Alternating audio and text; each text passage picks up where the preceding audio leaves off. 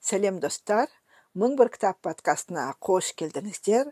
Подкастты жүргізуші бақытгүл салыхова бүгін 2024 жылдың 10 қаңтары. Кітап әлеміне бірге саяхаттап ойымызды кеңейте берейік. Алар асуымыз шығар шыңымыз көп болсын. Қолымыздан бәрі келеді. Бүгін өткенді еске алайық. Білімпаз сайтында кеше ақтарып отырып 2019 жылы әдебиеттен нобель сыйлығын кім алды деген жазбаға көзім түсті. Сөйтіп сіздерге әдебиеттен нобель сыйлығын алған жазушылар туралы айтқым келіп кетті. Сонымен осы сұраққа жауап берейін. 2019 жылы әдебиеттен нобель сыйлығын кім алды? естеріңізде болса 2018 жылы әдебиеттен нобель сыйлығы берілмеген еді. Оның себебі әдебиет бойынша нобель комитеті таратылды. Оның да өз себебі болды. Бірақ сол жылғы лауреаттарды дегенмен сөз етейік. Сонымен 2019 жылы екі лауреатты атады.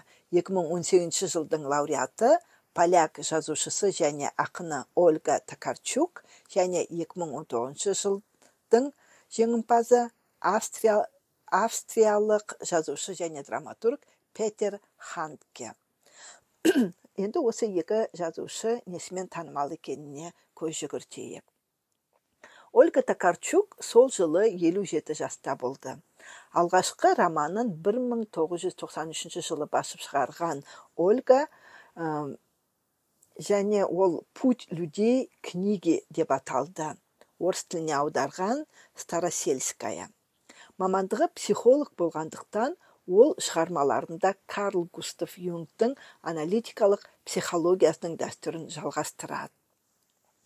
Токарчук бегуны полякша биегуни ағылшынша флайтс романы үшін 2018 жылы букер премиясын алған. Бұған дейін роман польшадағы ең беделді нике әдеби премиясын иеленгенін де атап өтейік. Букер премиясы елу мың фунт стерлингті құрайды және жазушы оны ағылшын тіліне аударма жасаған дженнифер крофтке бергенін де жартысын бөліп бергенін де еске салайын. тарихқа үңілсек поляк жазушыларынан нобель сыйлығын алғандар қатарында генрик сенкевич владислав реймонд чеслав милыш және вислава шимборская бар. Кейін осы жазушыларды жинақтап қандай шығармалары танымал болғаны туралы айтып беретін тағы бір подкаст жасайық. 2019 жылдың лауреаты петер хантке 1942 жылы дүниеге келіп әдебиеттегі алғашқы қадамдарын 60 жылдары жасаған. Романдар әңгімелер өлеңдер мен пьесалардан басқа ол киноға сценарий де жазған. Неміс режиссері вим вендерспен көп жұмыс істеген. Оған қоса өзі де женщина левша және отсутствие деп аталатын екі фильм, екі фильм түсірген. Ұнамсыз жағы бұған дейін слободан милошевичтің режимін қолдағаны үшін сынға ұшырағанын да айта кетейік. Ол 2006 жылы сербияның бұрынғы жетекшісінің жерлеуінде сөз сөйлегеннен кейін париждегі комеди франсе театрындағы қойылымын бұлдыртпай қойған. Сол жылы жазушы генрих гейне премиясынан да бас тартқан. Швед ғылым академиясының шешіміне сәйкес петер ханке бұл сыйлықты ықпалды еңбектерінде адамзат тәжірибесінің шалғайы мен ерекшелігін қыр сырын тілдік тапқырлықпен зерттегені үшін алған. Нобель комитетінің хабарламасында соңғы елу жылда түрлі жанрдағы шығармалары жарық көрген жазушы өзін соғыстан кейінгі еуропаның ең беделді жазушысы ретінде танытты делінген. Ольга токарчуктың шығармалары.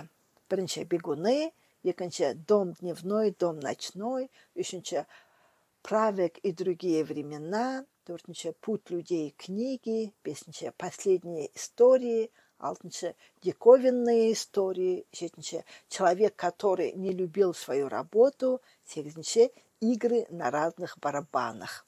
Бұл жинақ енді петер ханткеннің шығармаларын тізіп шығайық. Бірінші страх вратаря перед одиннадцатым метровым повести яғни хикаялар жинағы. Екінші долгое возвращение домой үшінші изучение горы сен виктуар төртінші медленное возвращение домой бұл да жинақ бесінші дон жуан алтыншы мюнхенская свобода и другие пьесы бұл да жинақ және жетінші детская история. Бұл жерде жаңа шығармаларды орысша айтып отырғаным өйткені олардың бәрі орыс тіліне аударылыпты. Сондықтан орыс тіліндегі атауларын беруді жөн көрдім. Өкінішке орай екі жазушы да қазақ тіліне аударылмаған. Енді 2019-дың жеңімпаздары туралы аз маз хабардар болдыңыздар. Ал 20 жылы кім алды екен? 20 жылы әдебиет саласы бойынша нобель сыйлығы америкалық луиза глюкқа берілгені де айтып өтейін. Премия ақынға поэтикалық дауысы үшін берілген. Марапаттау рәсімі нобель комитетінің YouTube арнасында көрсетілді. Ал 2021 жылы швеция астанасы стокгольмде нобель сыйлығының әдебиет бойынша лауреаты болып жарты ғасырдан аса уақыт ұлыбританияда тұратын 72 жастағы танзаниялық жазушы абдулразах гурнахқа беріледі. Нобель комитетінің сол кездегі хабарлауынша сыйлық жазушыға мәдениеттер мен құрлықтар арасында сабылған босқындардың тағдырын және отаршылдық салдарынан жан ділімен қанық бейнеде суреттегені үшін табысталған. Абдулразах гурнах 1948 жылы сол кездегі британия бақылауындағы занзибар сұлтандығында қазір танзания құрамындағы жартылай автономиялы арал араб текті мұсылман отбасында дүниеге келген. Ол 20 жасында 60 жылдардағы занзибардағы төңкерістер кезінде британ жеріне қоныс аударған. Содан бері ағылшын жерінде тұрады. Сонда белгілі қаламгерге айналды. Сондай ақ осы заманғы пост отаршылдық әдебиет бағытында танымал зерттеулердің авторы да атанды. Гурнах реализм жанрында жазады.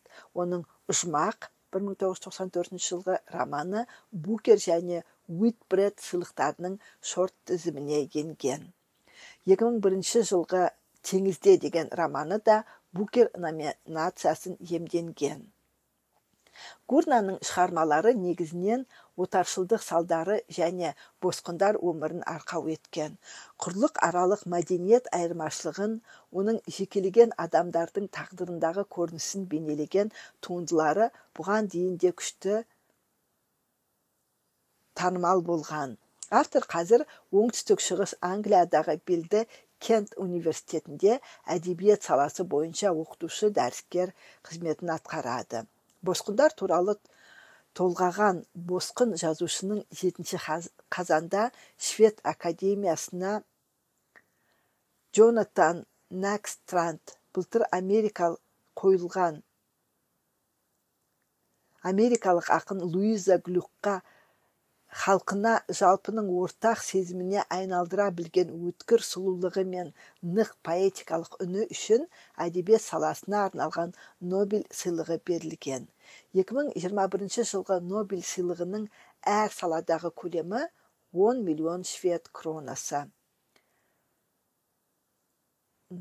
1901-2019 жылдары аралығында нобель сыйлығы әдебиет саласына 114 рет табысталған нобель комитеті мен швед академиясы жеті мәрте марапатқа лайықты үміткерлер жоқтығы себепті сыйлық тағайындаудан бас тартқан.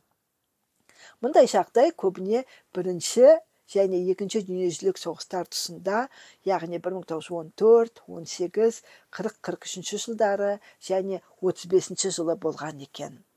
Әдебиет номинациясының нобель сыйлығы әдетте бір мезетте бірнеше лауреатқа сирек беріледі. Бірақ ол мүмкін емес деген сөз емес. Тарихта төрт рет бір номинацияны екі автор автор теңдей бөліскен. 1904 жылы марапатқа француз ақыны фредерих мистраль және испан драматургі хосе эчекари и эйсагире ие болған. 1917 жылы даниялықтар хенрик понтопидан мен карл гелле руп алған. Ал 1966 жылы израильдік шмуэль акнон мен нелли закс ал 1974 жылы шведтер харри мартинсон мен эйвин юнсон сыйлыққа бірдей ортақтасқан енді нобель сыйлығын алғандарды біз біліп жүреміз көп айтамыз талқылаймыз бірақ нобель сыйлығын алмаған қаламгерлер де бар екен олар туралы да айтайық егер негізі нобель сыйлығы әдебиеттің өлшемі емес бірақ онымен санаспауға да болмайды. Нобель сыйлығын бағалау комитеті жыл сайын таңдау жасап әдебиет алыптарына бұл сыйлықты табыстап келеді. Элиот йетс хемингуэй ками сияқты сөз зергерлері жазушылар осы сыйлықты иеленген. Жоғарыдағы тізімге міндетті түрде фолкнерді маркесті люс пен памукты да қосуымызға болады. Нобель сыйлығы бір ғасырдан артық уақыт ішінде әдебиет әлеміндегі соны жаңалықтар мен тенденциялардың барометрі болып отыр. Бір өкініштісі біз білетін күллі оқырман атын естісе де елең ете қалатын басқа да танымал қаламгерлер осы сыйлықтан құр қалып отыр яғни бұйырмаған оларға. Енді осы жазушылар неге бұл сыйлықтан құр қалды дегенді баспа беттерінде қалай түсіндіріп жазады екен соларды айтып өтейік. Нобель сыйлығына ұсынылған бірақ алмаған жазушылардың бірі генри джеймс ол 1843 жылы туып 1916 жылы қайтыс болған 19 ғасырдағы ең ықпалды жазушы жиырмадан астам роман жазған әрі көп шығармалары ағылшын әдебиетінің шоқтығы биік туындылары санатына кіреді әйел портреті бостандықтар елші алтын кесе сияқты уәкілдік шығармалары осы күнге дейін оқырманның есінде. Романист джеймс новелла шағын әңгіме драма да жазған. Ол адамның жай күйін ішкі мінезін қарапайым тілмен әрі юмормен жеткізген. Енді генри джеймс неге нобель сыйлығын алмаған? Бұның себебі қарапайым дейді. Аталған сыйлық тағайындалған алғашқы кезде альфред нобельдің тапсыруы бойынша бағалау комиссиясы ашық түрдегі идеалистік шығармаларға сыйлық беруден бас тартқан. Оның үстіне алғашқы сәттерде нобель әдебиет сыйлығы негізінен еуропалық және швециялық қаламгерлерге ғана берілген. Тек 1923 жылы тұңғыш рет ағылшын текті йетс нобель әдебиет сыйлығын иеленіпті. Сондықтан хенри джеймс бұл сыйлықты алмаған. Келесі нобель сыйлығын алмаған жазушылардың бірі вирджиния вульф. Вирджиния вульф 1882 1941 жылдар аралығында өмір сүрген. Вульф та әдебиет тарихында беделі жоғары жазушылардың бірі. Оның шығармалары болмысы күрделі кейіпкерлердің жан дүниесіне ерекше үңіліп жан жақты ашу арқылы әдебиеттанушыларды өзіне тәнті еткен. Оның клариса далавей лили бриска сияқты кейіпкерлері бәрімізге танымал.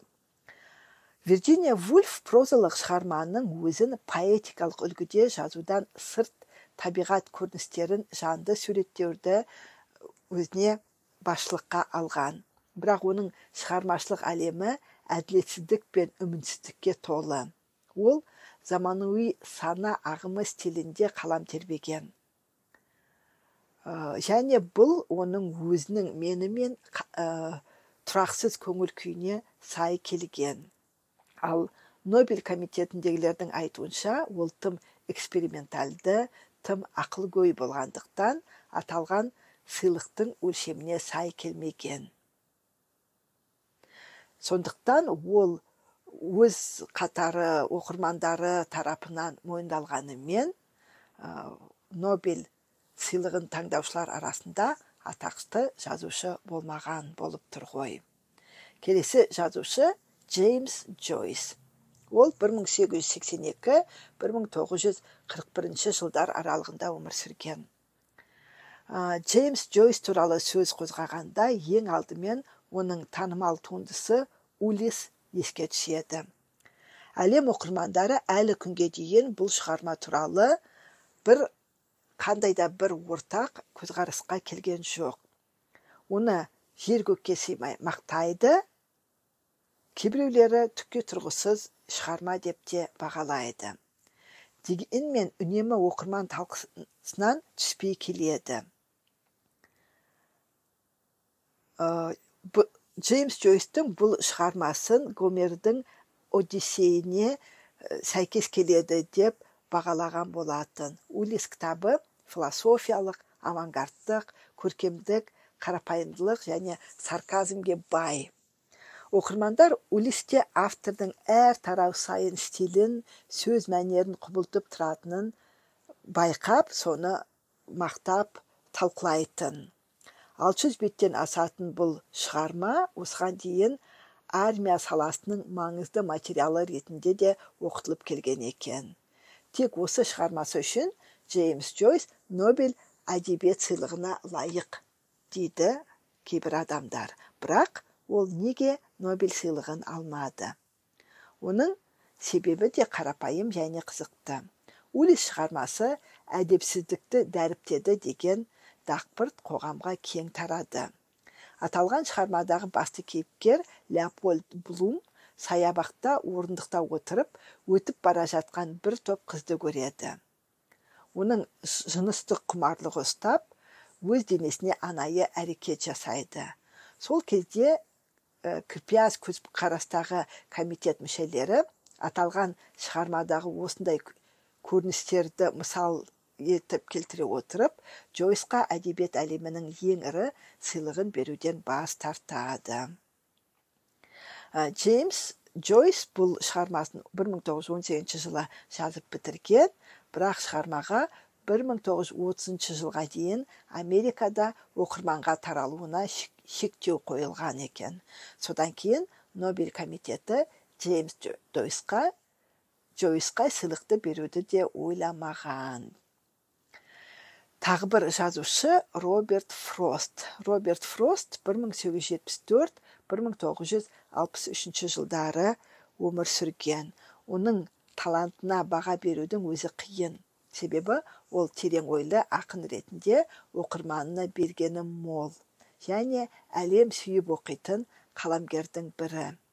Ол оннан астам өлеңдер жинағын шығарып төрт мәрте пулицер әдеби сыйлығын американың ең жоғары әдеби сыйлығын еншілеген.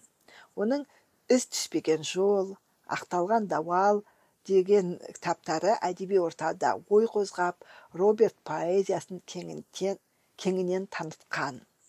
Өмірдің қуанышын жыр еткен ол кейде қоғамның жарасын тырнайтын жырларды да өзгеше стильдегі етістіксіз өлеңдерді де жазған. Қарапайым әрі тілге жеңіл ойлы шумақтары арқылы өмірдің кейбір сәттерін сезіндірумен оқырман есінде қалған. Тарих бетінде аты қалған роберт ә, нобель әдебиет сыйлығынан құралақан қалғандардың қатарында. Ол неге сыйлық алмады? Бұның жауабы тым күрделі. Фростың өте көп жазғандығы себеп болды дейтіндер де бар.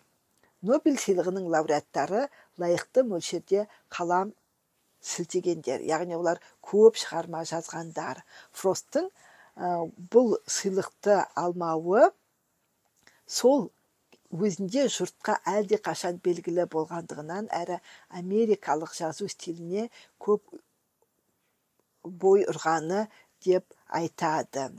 Бір қызығарлығы фросттың басқа атақтары көп болса да оның өмірбаянын жазғандар ақынды нобель әдебиет сыйлығына өзі пысқырмады деп көп жазады екен. Егер нобель комитетіндегілер шынайы талантты бағалаған болса 1962 жылы бұл сыйлықты джон стейнбек емес роберт фрост алар еді деп те жазады екен.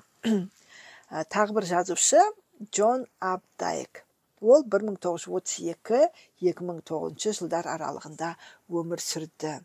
Қысқа әңгіме жазудың шебері абдайк 20-дан аса роман 12 әңгімелер жинағын шығарған өте талантты және көп жазған жазушылардың бірі. Бұл жағынан оны роберт фростпен салыстыруға болады. Үнемі ізденісте жүретін ол жыл сайын бір романын баспаға ұсынып отырған. Бұдан бөлек нью йоркер нью йорк ревью сияқты әдеби журналдарға әдеби сын мақалалар жазып әдебиеттану ғылымына да өз үлесін қосқан. Ол шығармаларында негізінен америкалық орта тап өкілдерін кейіпкер етіп алып солардың өмірі туралы өз толғанысын баян еткен. Егер әйелдер қауымы ерлердің жыныстық қатынас өлім дін әйел бала туралы шынайы ойын білмек болса онда абдаевтың үй қояны атты топтамасын оқуға болады. Бұл шығарма тым қызықты. Кей сәттерінде адамды қынжылтатын тұстары да бар. Сол үшін де оқырмандарға ұнамсыз сезілуі мүмкін. Бірақ оған бола абдаевтың беделі төмендеп кеткен жоқ. Қайта онан сайын танымал бола түсті ол төңкеріс атты кітабында марксист африкалық мұсылманның өмірін ә, сипаттайды. Бұл шығармасы да жұрт көңілінен шыққан тамаша еңбектердің бірі. Оның өмірі екі рет пулицер сыйлығын алғанымен емес адамзат баласына әдебиет саласына құнды еңбектер бергенмен қымбат. Неге енді осындай танымал және жақсы жазатын жазушы нобель әдебиет сыйлығын алмады? Ол да америкалық болғандығы әрі көп жазғандығы себепті сыйлықтан қағылды дейді әдебиет сарапшылары. Оның қай романын парақтасаңыз да жыныстық қатынас туралы сөз болады. Бұл да ә, нобель комитетінің мүшелерінің шамына тиген сияқты. Ә, нобель сыйлығын алмаған жазушылардың бірі шыңғыс айтматов. Ол 1928-2008 жылдар аралығында өмір сүрді. Қазақ оқырманына жақсы таныш шыңғыс айтматовтың шығармалары тек түркі тілді оқырмандарға ғана таныс емес ол әлем оқырмандарына да таныс және оны жақсы бағалайды.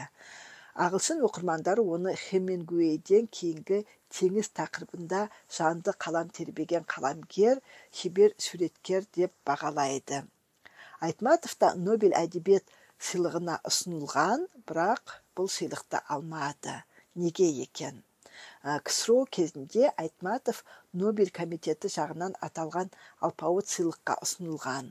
Бірақ совет кезеңінде бүкіл одақтан бір ғана адам нобель сыйлығын алу керек болған. Ал сол кездегі одақ төрағасы михаил горбачев та сыйлыққа ұсынылады. Нәтижесінде сол сыйлықты алған. Ол бейбітшілік бағытындағы сыйлықты. Ал дегенмен айтматов нобель сыйлығын алмады деп оны ешкім оқымай қойған жоқ. Әлі де танымал әлі де оқырманның ықыласына бөленіп жүрген жазушылардың бірі. Осы орайда нобель сыйлығы туралы мына ақпаратты естеріңізге сала кетейін. Нобель сыйлығы 1901 жылдан бері әр жыл сайын физика химия медицина әдебиет және бейбітшілік салалары бойынша елеулі жетістікке жеткен ғалымдар мен ұйымдарға беріледі. Марапаттау рәсімі жыл сайын 10 желтоқсан күні өтеді. Осы салтанатты марапаттау күнінде швеция королі лауреаттарға нобель медалін диплом және ақшалай сыйлық тапсырады. Әрине нобель сыйлығын алу бұл керемет жетістік. Бірақ нобель сыйлығын бір шығармасы үшін бермейді. Жалпы әдебиетке өнерге салған еңбегі үшін ә, адамзатқа ортақ мәселелерді көтергені үшін беріледі. Оған қоса шығармалар ағылшын тілінде де шығуы керек.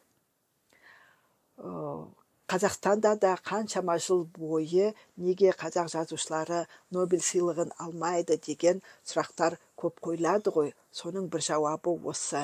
Ол қазақ болып қазақ тілінде шығарма жазу жеткіліксіз сонымен қатар ағылшын тілінде де жазып және әлемдегі маңызды проблемаларды көтеріп адамзаттың дамуына байланысты үлкен мәселелерді қозғауы керек. Болашақта біздің де жазушылар осындай деңгейге шығады деп үміттенейік. Осымен мың бір кітап подкастының бүгінгі эпизодын аяқтаймын. Кітап оқып ойымызды шыңдай берейік. Подкастты жүргізген бақытгүл салыхова. Келесі кездескенше сау болыңыздар.